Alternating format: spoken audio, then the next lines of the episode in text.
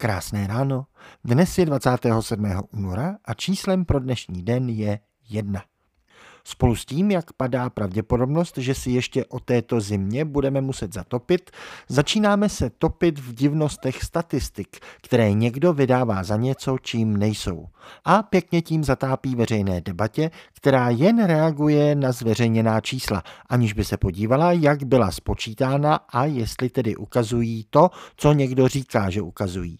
Po našem včerejším vyvrácení poplachu o návratu reálných mest se rozjela nová kampaň, že loni Česko vypadlo z top desítky zemí světa, co se týče kvality života seniorů.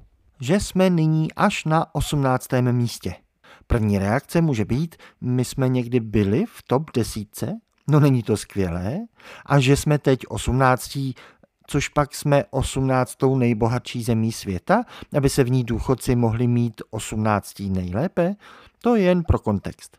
Ale na obrázku, který se teď mocně sdílí a diskutuje, nejsou žádná data o životě důchodců.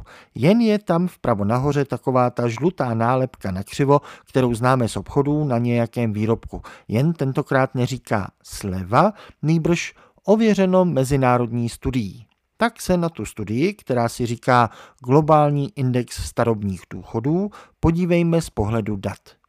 Slovo index je v názvu asi jediné správně. Index vždy vezme různá přímo nesrovnatelná data a nějakým poměrem je srovná.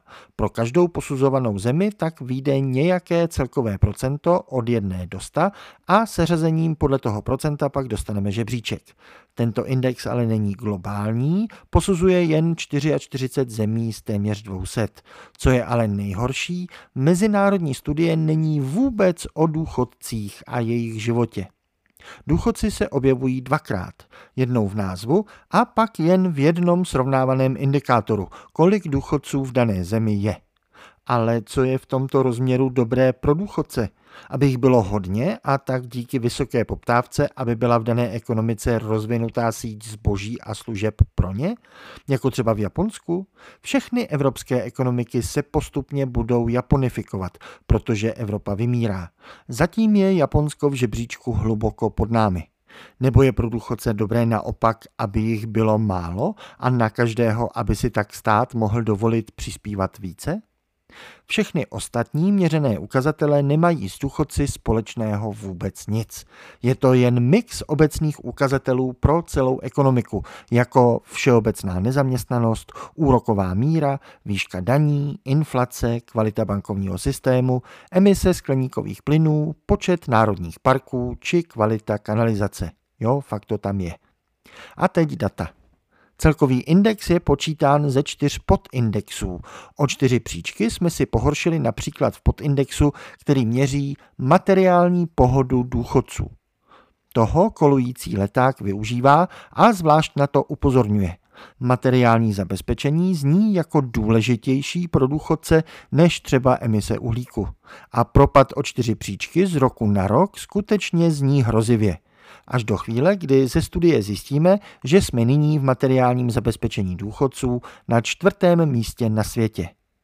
Počkat, ale to by znamenalo, že ano, v roce 22 jsme měli důchodce materiálně nejzabezpečenější a nejvíce v pohodě na celé planetě. Byli jsme prý, číslo pro dnešní den, první na světě.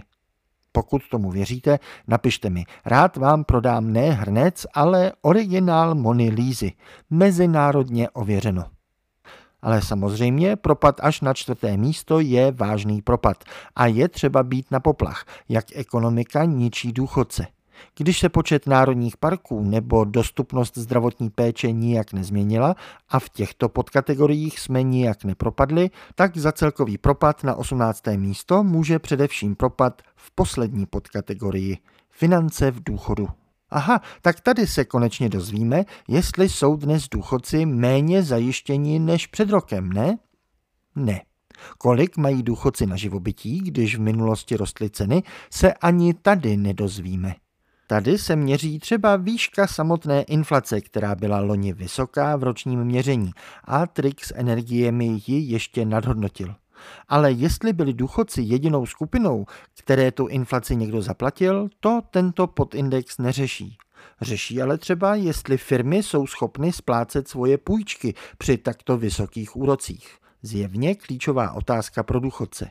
Také se v této podkategorii řeší, jak roste státní dluh.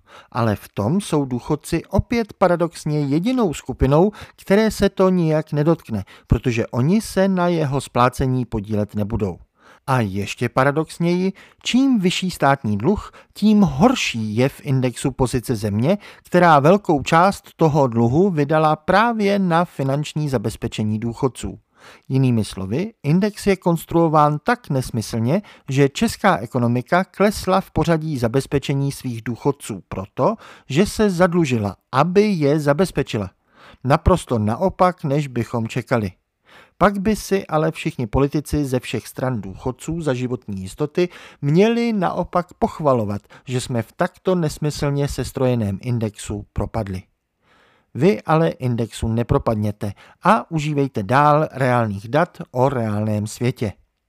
Nespochybňujme však tíž být důchodcem. Jen schopnost naměřit ji tímto indexem. Hezký den.